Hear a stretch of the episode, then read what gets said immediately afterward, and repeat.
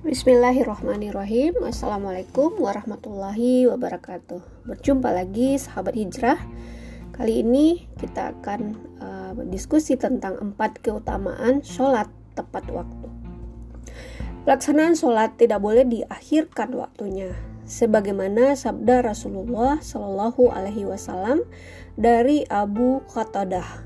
Sesungguhnya tidak ada kelalaian dalam tidur, sebab kelalaian itu hanyalah bagi orang yang belum mengerjakan sholat, sehingga datang waktu sholat berikutnya. Barang siapa terlanjur melakukan hal itu, maka hendaklah ia mengerjakan sholat tersebut sehingga ia memberikan perhatian yang khusus padanya. Hadis riwayat Muslim. Yang demikian itu menunjukkan bahwa pelaksanaan sholat tidak boleh diakhirkan, karena Nabi menyebutnya sebagai kelalaian. Akan tetapi diperbolehkan menjamaknya, di mana sholat yang pertama diakhirkan sampai masuk waktu sholat yang kedua, karena Nabi pernah melakukan hal itu. Mengerjakan sholat lima waktu tepat pada waktunya juga akan mendapatkan sembilan macam keutamaan. Adapun keutamaan dan ganjaran yang akan diperoleh bagi mereka yang istiqomah melaksanakan sholat berjamaah tepat waktu yaitu yang pertama, sholat tepat waktu dicintai Allah melebihi berbakti pada orang tua dan berjihad.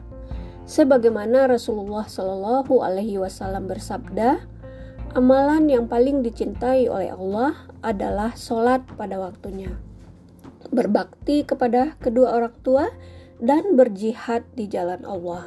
Hadis riwayat Bukhari dan Muslim. Yang kedua, masuk surga. Dalam hadis yang diriwayatkan oleh Abu Daud dari Abu Qatadah bin Rib'i bahwa Rasulullah bersabda, Allah Ta'ala berfirman, Sesungguhnya aku mewajibkan umatmu sholat lima waktu, dan aku berjanji bahwa barang siapa yang menjaga waktu-waktunya, pasti aku akan memasukkannya ke dalam surga. Dan barang siapa yang tidak menjaganya, maka dia tidak mendapatkan apa yang aku janjikan. Yang ketiga, dosanya diampuni Allah. Bagi mereka yang disiplin melaksanakan sholat berjamaah tepat waktu, dosanya akan mendapat ampunan Allah Ta'ala.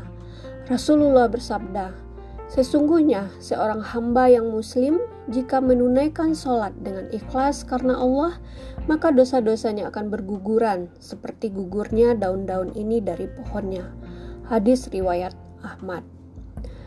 Yang keempat, mendapat pahala kebaikan yang besar. Nabi Muhammad bersabda, "Seandainya orang-orang mengetahui pahala azan dan barisan saf pertama, lalu mereka tidak akan memperolehnya kecuali dengan ikut undian, niscaya mereka akan berundi." Dan seandainya mereka mengetahui pahala menyegerakan salat pada awal waktu, niscaya mereka akan berlomba-lomba melaksanakannya. Dan seandainya mereka mengetahui pahala sholat isya dan subuh, niscaya mereka akan mendatanginya meskipun dengan jalan merangkak.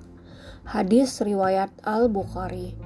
Seandainya orang-orang mengetahui pahala azan dan barisan saf pertama, lalu mereka tidak akan memperolehnya kecuali dengan ikut undian, niscaya mereka akan berundi. Demikian hadis riwayat Bukhari. Demikian sahabat hijrah Berjumpa lagi di episode berikutnya. Alhamdulillahirobbilalamin. Assalamualaikum warahmatullahi wabarakatuh.